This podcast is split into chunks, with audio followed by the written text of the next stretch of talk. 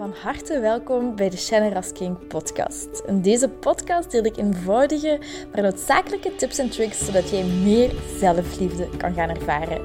Want guess what? Je zit het fucking waard om van gehouden te worden. Ik heb er heel veel zin in en ik hoop jij ook. bye bye. Hey topper en welkom bij een nieuwe aflevering van de Shannon podcast. Momenteel zit ik aan zee uh, met mijn schoonfamilie en met Jeff. Ik zit in de zetel. Felix ligt in zijn bedje. Uh, mijn schoonfamilie is gaan eten. En Jeff is een blokje om aan het wandelen. En het, is, ehm, het is al een vrij bewogen week voor mij geweest. Um, maar los daarvan, zoals ik ook in mijn vorige podcast zei, kan ik er gewoon nu momenteel nog niks over delen. Omdat het niet alleen mij betreft. En um, dus ja, voilà. Maar bon, ik had een paar ideeën over een podcast. En um, ik heb er momenteel drie. Dus eentje is um, hoe, je, hoe je omgaat met, met, met angst op het nieuws. En um, hoe je omgaat met de media. en die angst daarover dat je zo in, paniek kunt schieten. een tweede was het, of is het systemisch uh, meesterschap. Dus eigenlijk wat voor belang eigenlijk uw familiesysteem heeft en welke invloed dat op je leven heeft, welke patronen er aanwezig zijn. En het derde was um, een teken vragen aan het universum. En uh, ik, ik uh, realiseerde mij net dat ik um, in december vorig jaar, dus 2020 is dat geweest, um, daar een aflevering heb uh, over opgenomen. En ik dacht toen van, oké, dat gaat mijn eerste aflevering zijn. Uiteindelijk heb ik een andere eerste aflevering geüpload. Maar ik heb die nu beluisterd en dat is eigenlijk exact wat ik zelf wilde delen in een, um, in een, ja, een eerste inleiding van uh, een familiesysteem van systemisch meesterschap. Dus ik ga deze hierachter, um, hierachter plakken. Zoals altijd hoor ik het heel graag. Trek een screenshot, tag mij in uw verhaal. Stuur een berichtje wat je ervan vindt. Dat vind ik altijd heel fijn om te horen. En dan uh, ga ik je heel veel luisterplezier toewensen. Liefs! Levering is de bedoeling om een groter bewustzijn te creëren van, u, van het systemisch meesterschap. Um, ik gebruik heel veel in deze aflevering de woorden en um, de metaforen van Els van Steen van haar boek De Fontaine. Zij heeft daar twee boeken over geschreven. Ik ga in, in deze aflevering het zo makkelijk mogelijk proberen te structureren en uit te leggen wat systemisch meesterschap is. Voor mij persoonlijk is systemisch meesterschap, of wat ik daar alleszins mee bedoel, is het feit dat je als persoon onlos, onlosmakend verbonden bent met je familiesysteem. En Els van Steen, zij gebruikt de metafoor van een, van een fontein. En je moet je even een, zij noemt dat een prachtige fontein visualiseren. En die fontein die bestaat uit verschillende bakken met water die elkaar bevloeien. En in de bovenste bakken, daar staan uw voorouders. In de laag daaronder, in die bakken, staan uw opa's en uw oma's, uw biologische. In de bak daaronder staan weer uw biologische ouders Daaronder staat jij samen met je broers en je zussen op gelijke hoogte. En de bak onder u staan weer kinderen en daaronder ook uw kleinkinderen. En telkens wanneer er um, een nieuw leven tot stand komt, wanneer er een geboorte is, vult die fontein zich aan langs de onderkant. Deze fontein, dat is uw familiesysteem. Dus daarom het systemisch meesterschap. En dat familiesysteem heeft zo extreem veel invloed op je leven, op je levenskwaliteit, op je innerlijke rust, op je geluk, op, op alles heeft dat zowel een positieve als een negatieve zin extreem veel invloed. En we zijn ons daar niet van bewust, omdat dat zo iets onzichtbaar is, maar dat, dat trekt gewoon continu. Als jij bepaalde patronen bij jezelf ziet of merkt en je, je je zit bijvoorbeeld al langer in de persoonlijke ontwikkeling en je hebt al superveel affirmaties gedaan, visualisaties, therapie, um, noem maar op. Maar het lukte niet om het te doorbreken, is het vaak iets systemisch dat aan de hand is. Dus we gaan ervan uit um, in het systemisch meesterschap dat jij je eigen plek hebt. Je hebt je eigen plek onder je ouders, naast je broers of zussen. Um, je broers of zussen die naast u staan, als jij de eerstgeborene bent, zit je plek nummer 1. Zit jij nummer 2 geboren, dan zit je op plek nummer 2 en ga zo maar door. Hierbij tellen ook miskramen, um, ge, sorry, geaborteerde kinderen. Bijvoorbeeld als uw mama uh, twee miskramen heeft gehad en jij zit eerst levend geboren, dan staat je op plek 3 en niet op plek 1. Dus ieder persoon heeft zijn eigen unieke plek. En je kunt daar altijd met je innerlijke houding op je eigen plek gaan staan. Niemand kan u die plek ontzeggen, los van wat je doet, wat je nalaat, wat je niet doet, los van het feit dat ze zeggen dat je er niet zou bij horen of dat ze je plek niet gunnen. Nee, je hebt altijd je unieke plek. Net zoals uw ouders hebben, uw broers, uw zussen, uw kinderen, uw grootouders. Iedereen heeft zijn unieke plek. En als je op uw, unieke plek kunt gaan staan, dan gaat de, de stroming, uw hele familiestroming, uw heel systeem werken voor u en kunt je heel de stroom ontvangen en verbetert uw levenskwaliteit. Kunt je veel tevredener zijn met jezelf, innerlijke rust, kunt je jezelf goed laten gaan en kunt je de juiste beslissingen nemen. Um, even uh, denken. Um, ja, ook nog belangrijk om mee te geven is bijvoorbeeld een overleden tweeling in de buik. Um, die telt bijvoorbeeld ook mee. Elk leven dat er nog maar is geweest, telt mee in je fontein. Um, dus als je op je rechtmatige plek, hè, in de kindsbak onder de bak van je biologische ouders gaat staan, dan merk je dat je die onzichtbare stroming van de fontein oppakt. En dat blijkt essentieel te zijn om je krachtig te voelen, om je levendig te voelen en om je vervuld te voelen in plaats van leeg, onrustig en onverzadigbaar. Want als je opstijgt in de fontein, ik ben nu al meerdere details aan het geven, maar als je opstijgt, je kunt naar je ouders opstijgen, je kunt naar je je grootouders opzij, je kunt een andere plek, plek uh, van je broers of zussen innemen, dan word je behoeftig. Doffies, sowieso, je wordt behoeftig, waardoor je dat op andere manieren probeert te gaan halen. En je merkt dat je continu het gevoel hebt dat je dingen op eigen kracht moet doen, dat je het alleen maar moet doen. Ik kom daar subiet uh, nog op terug. Maar als je dus um, mensen bijvoorbeeld hebt die het in de basis goed goed gaat, die staan meestal heel stabiel op een plek in de fontein. Dat wil niet zeggen dat je nooit tegenwind kunt uh, meemaken of moeilijke tijden kunt meemaken. Mindere zaken horen bij het leven. Maar in de basis gaat het goed, zowel privé als professioneel, en je vindt jezelf in de basis oké. Dat is eigenlijk de, de basis van de fontein. Um, ik weet niet of je mijn katje hoort miauwen, maar die is, die is momenteel aan het miauwen. Um, en als je niet op de plek van je fontein staat, zoals ik zei, dan heb je het gevoel dat je heel veel op eigen kracht moet doen. Um, heel vaak heb je in je hoofd, ik doe het wel alleen.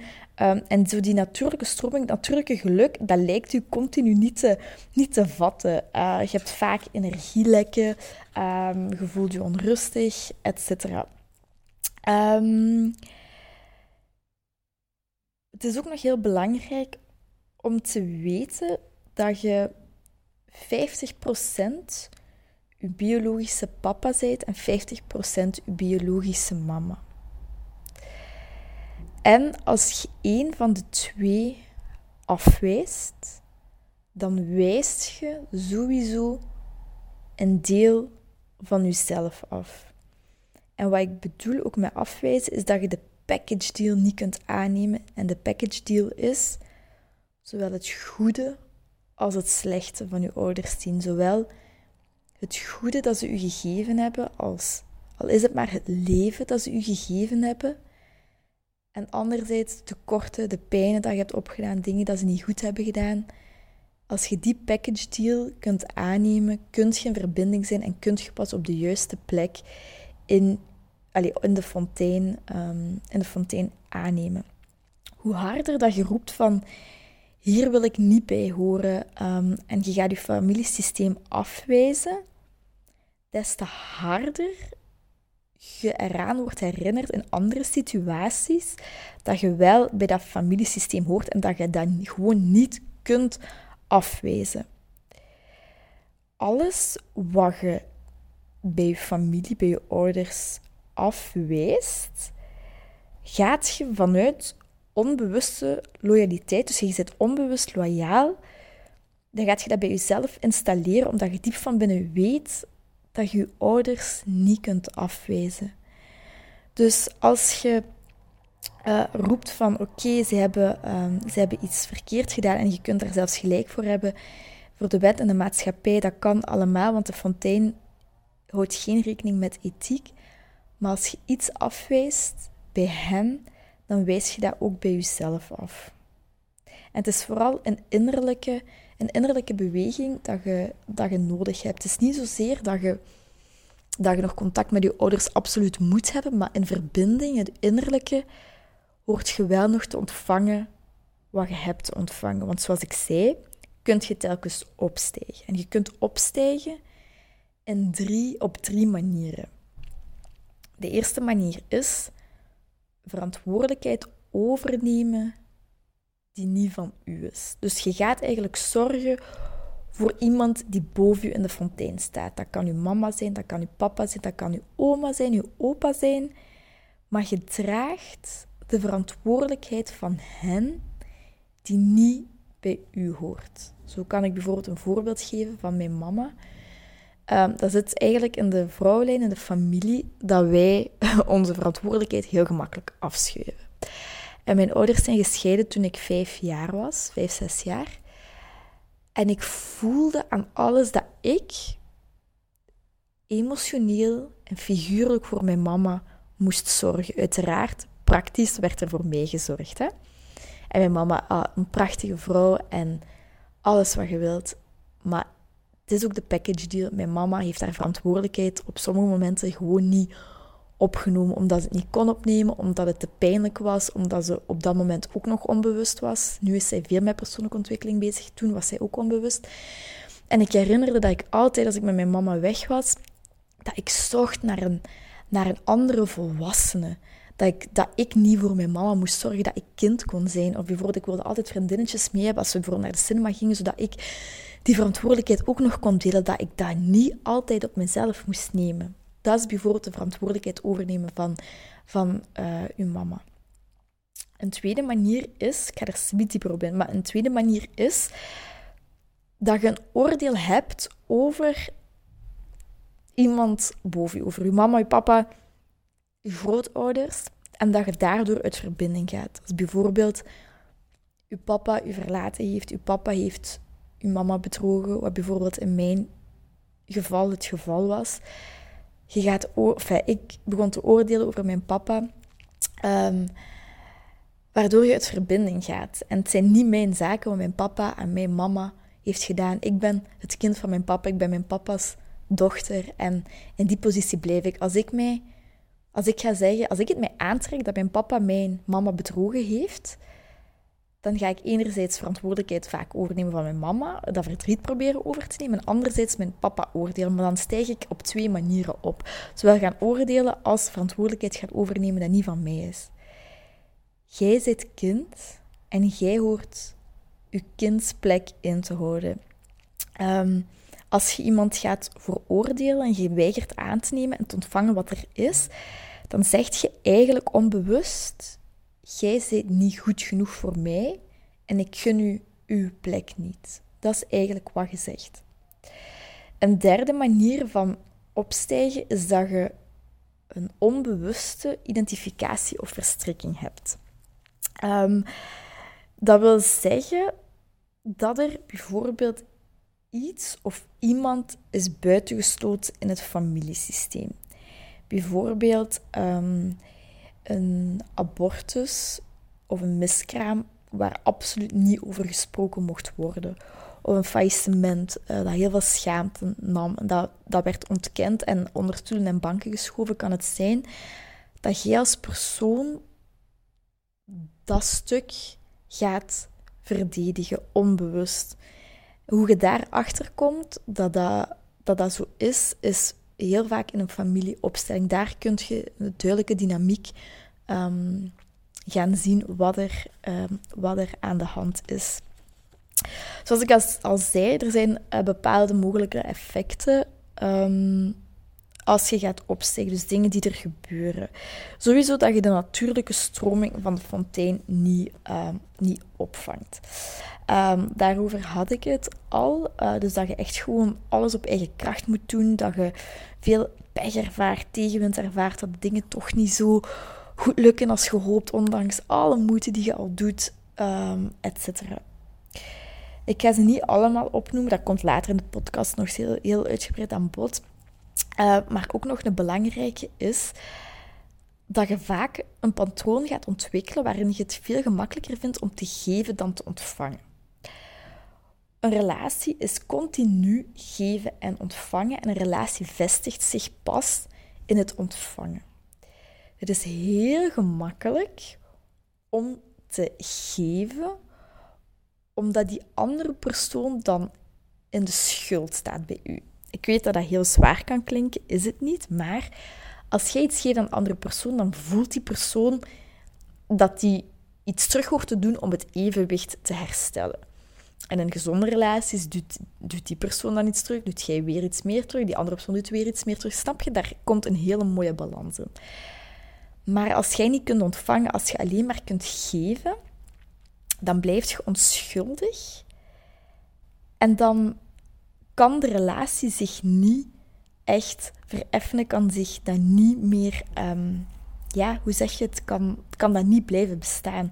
Als je te veel gaat geven, gaat die andere persoon bepaald moment hebben van oké, ik voel me hier te schuldig, dat kan ik gewoon niet blijven ontvangen. Ik moet, er, ik moet het gedaan maken als je niet kunt ontvangen. Dat is bijvoorbeeld iets. Um, of je hebt het reddersyndroom, dat je heel hard um, mensen wilt gaan redden, zodat je eigen verantwoordelijkheid niet moet niet moet opnemen. Niet gaat moeten kijken naar wat uw aandeel is, maar dat je anderen maar vooral wilt redden, omdat jij zo graag gered wilt worden. Ook nog een belangrijke is dat je je groot gaat voelen, groot en belangrijk in plaats van stevig. Bijvoorbeeld, ik weet nog dat ik het vroeger heel fijn vond uh, om aan mijn mama te vragen, toen was ik 14, 15 jaar, en aan mijn mama te vragen van oké, mama, wat is er met u? Wat scheelt er? En daar echt als een vriendin mee om te gaan. En als kind voelt je dan echt, ja, oh, fijn dat mijn mama bij mij terecht kan voor haar problemen. Fijn, ik kan voor haar zorgen, hè, onbewust. Ik voel me groot, ik voel me belangrijk. Ik herinner me dat moment zelfs nog. Maar opnieuw, uw mama is uw mama en dat is niet uw vriendin. er zijn heel veel, en dat wordt zo dat wordt een beetje geromantiseerd. Wauw, oh, dat is, een dochter en moeder, dat zijn precies twee vriendinnen. Maar dan weet je dat de dochter is opgestegen in de fonteinen. Wat heel lang bij mij het geval was. Mijn mama en ik waren twee handen op, of zijn twee handen op één buik, maar ik ben haar dochter en zij moet niet met haar problemen bij, bij mij komen. Zij kan erover praten, maar ik ga daar niet, niet voor een oplossing zorgen. Ik ben een dochter en eigenlijk hoort je als ouders te zeggen, wanneer er problemen zijn, tegen de kinderen, gaat jij maar spelen buiten, jullie moeten zich niet aantrekken, dat is iets van mama en papa. Dat is eigenlijk in de ideale wereld hoe het, hoe het zou moeten zijn. Dus in plaats van u, u groot en belangrijk te gaan voelen, dus in plaats van u stevig te gaan voelen en echt grond, gaat je u groot en belangrijk uh, voelen omdat je iets kunt oplossen voor, u, voor uw ouders. Um, ik ga heel even het boek er nog bij nemen. Uh, dus iets meer gedetailleerd sorry, gedetailleerd van uh, de verantwoordelijkheid overnemen. Um, bijvoorbeeld in mijn persoonlijke situatie. Ik had vrijdag een, um, kreeg een nieuwe collega over de vloer um, om al eens een kennismaking te doen. En we waren samen iets aan het wel op, op afstand, met nog, andere, nog een andere collega. Of hebben we nog twee andere collega's. En ik merkte zo hard dat ik wilde dat hij zich goed voelde. Ik, ik nam die verantwoordelijkheid van hem zich goed voelen op, over, allez, op mijzelf. Of bijvoorbeeld als ik een verjaardagsfeestje vroeger had, dat was de hel als ik dat zelf moest regelen of moest doen, want ik kon daar niet van genieten. Want ik voelde mij zo verantwoordelijk dat de anderen zich amuseerden. Ik wilde zo hard dat de anderen het naar hun zin hadden, dat ik mezelf gewoon niet kon zijn. En uh, dit jaar 2020 is de eerste keer, ik ben er al heel lang van bewust, maar het is de eerste keer dat ik dat echt heb voor 80% heb kunnen loslaten. We zijn gaan brunchen en ik had zoiets van, weet je, iedereen is verantwoordelijk voor zijn, voor zijn eigen geluk. En ik legde daar zoveel druk op van het moet plezant zijn en mensen moeten zich amuseren. En mensen voelen dat, waardoor het gewoon niet plezant kan zijn. Dus dat is verantwoordelijkheid overnemen die niet van u is. En dat komt natuurlijk verder hè, van mijn mama, van mijn papa. Verantwoordelijkheid overnemen die niet van mij is, waardoor dat in uw dagelijkse situaties zich ook, um, zich ook voorkomen. Um, want als kind wilt je in eerste instantie niets liever dan dat het goed gaat met je ouders. Je wilt dat zij gelukkig zijn en daar doet je alles voor, alles ten koste ook van jezelf. Um, bijvoorbeeld, Els geeft in haar boeken een paar, een paar voorbeelden nog extra. Je ziet dat je moeder gezelschap nodig heeft en omdat ze niet alleen kan zijn en of geen vrienden om zich heen heeft, besluit jij om maar thuis te blijven. Of bijvoorbeeld, uh, je vader heeft al zoveel zorgen aan zijn hoofd omdat het bedrijf niet lekker loopt, waardoor je hem er niet lastig valt met jouw sores. Um, of uw broer en uw zus zijn flink aan het puberen, of ze zijn ziek en ze vragen op een of andere manier intense aandacht van uw ouders, waardoor jij gaat denken: ik los het wel zelf op. Um, of dat je moet bemiddelen tussen je ouders. Bijvoorbeeld, ik zei, mijn ouders zijn gescheiden en mijn mama wilde absoluut niet met mijn papa praten. Waardoor ik continu daartussen zat en de telefoon... Ik weet nog, er bestond zo'n hele oude gsm. De gsm bestond toen al. Moest ik zeggen... Mijn mama was aan het schreeuwen tegen mijn papa, maar dat was tegen mij. Dus ik moest dan zeggen wat mijn mama tegen mij zei tegen mijn papa. En ik moest dan terug zeggen wat mijn papa tegen mij zei tegen mijn mama.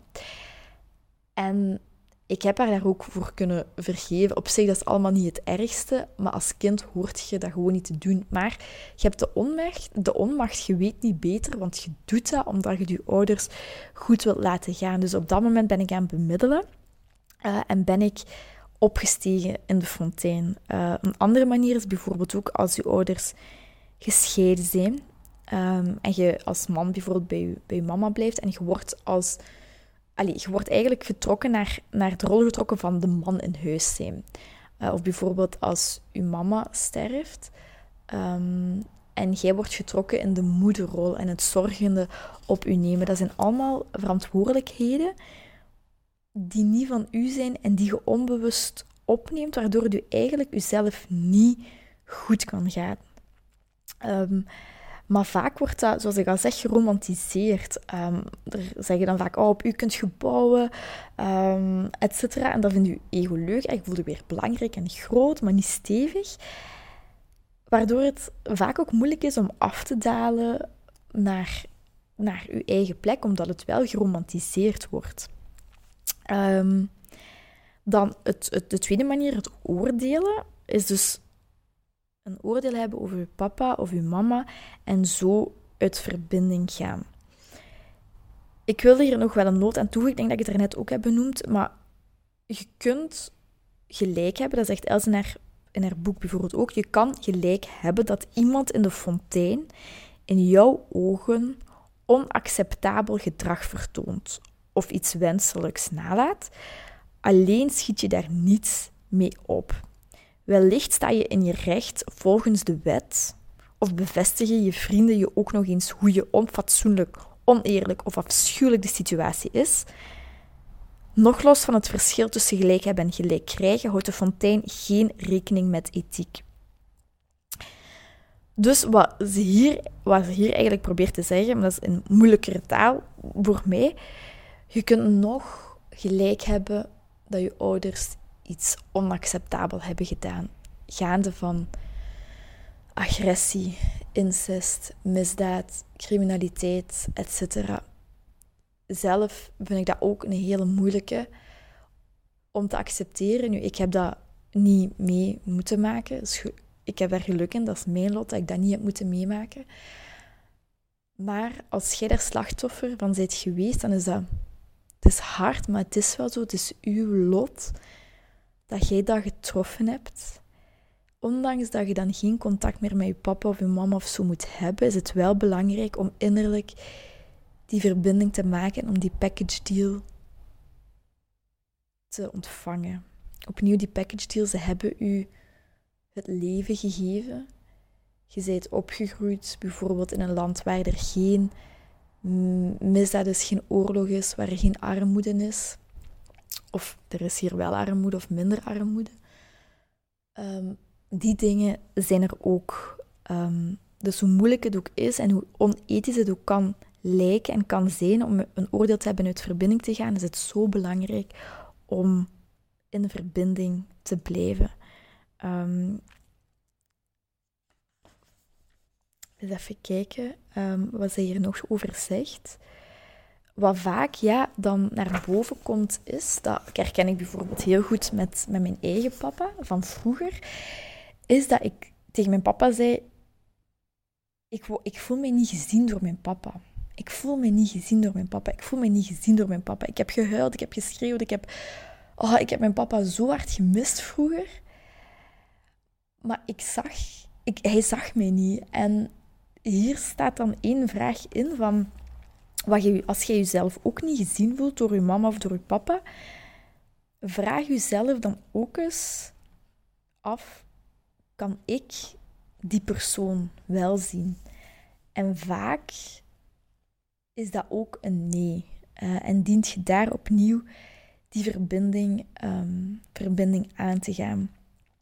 Um, want zoals ik ook al zei, dus als je een oordeel hebt over je ouders, je zegt 50% je biologische papa, 50% je biologische moeder, als je hen innerlijk afwijst, dan wijs je opnieuw jezelf af en dan kom je in een negatieve spiraal, waardoor je structureel niet tevreden over jezelf gaat worden. Je hebt je ego dan extra hard nodig om jezelf vorm te kunnen geven.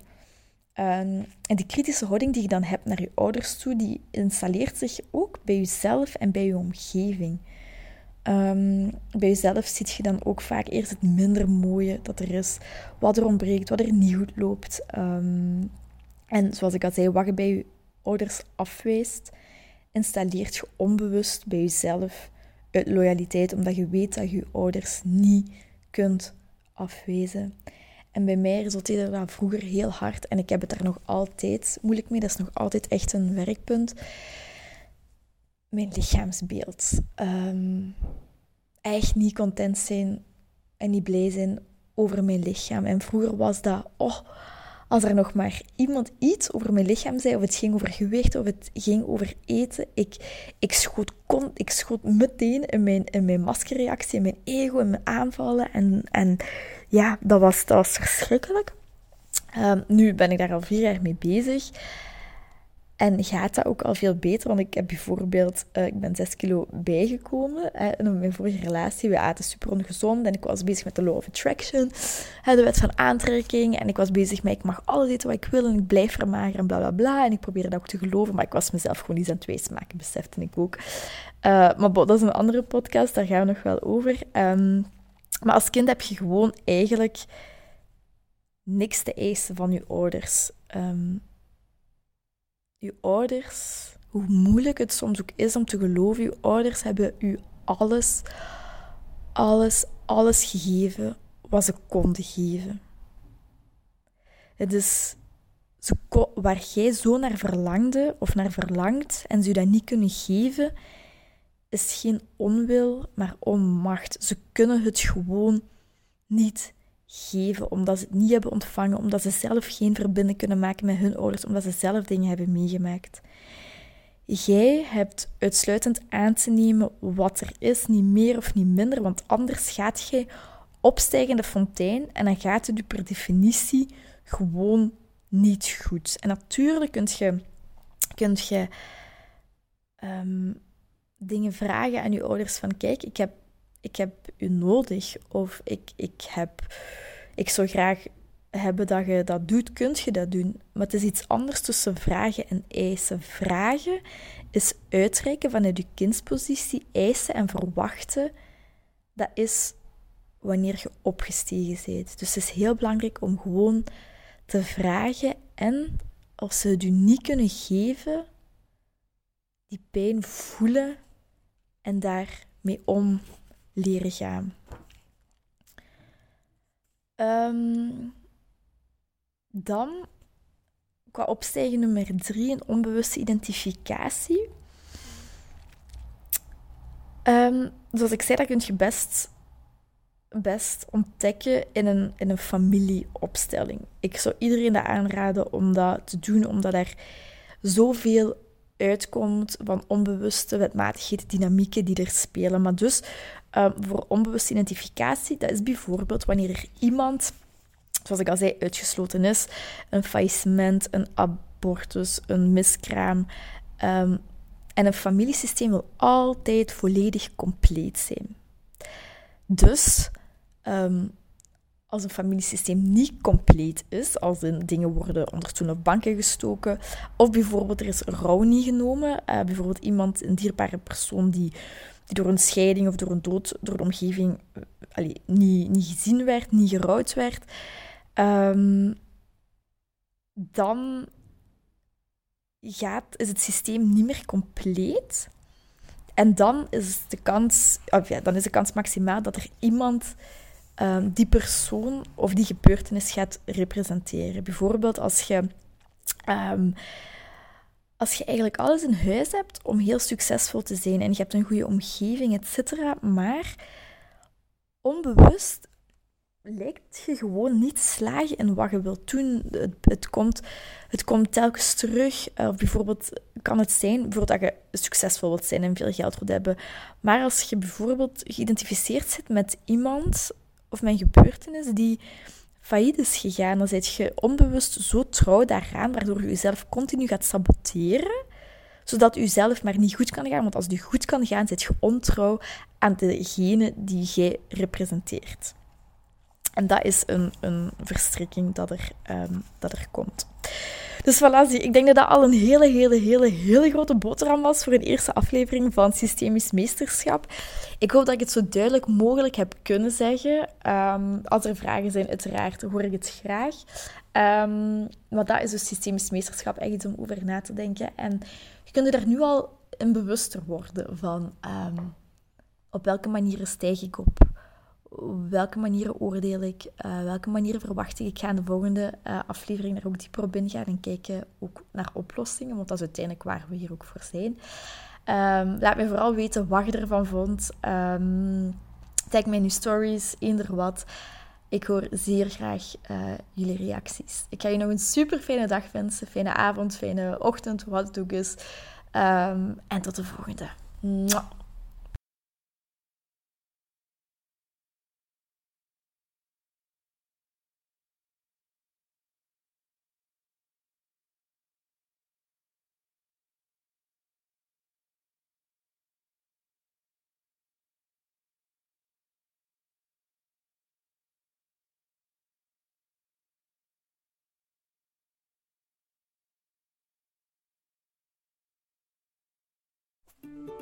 Heel erg bedankt om deze aflevering van de Generous King podcast te beluisteren.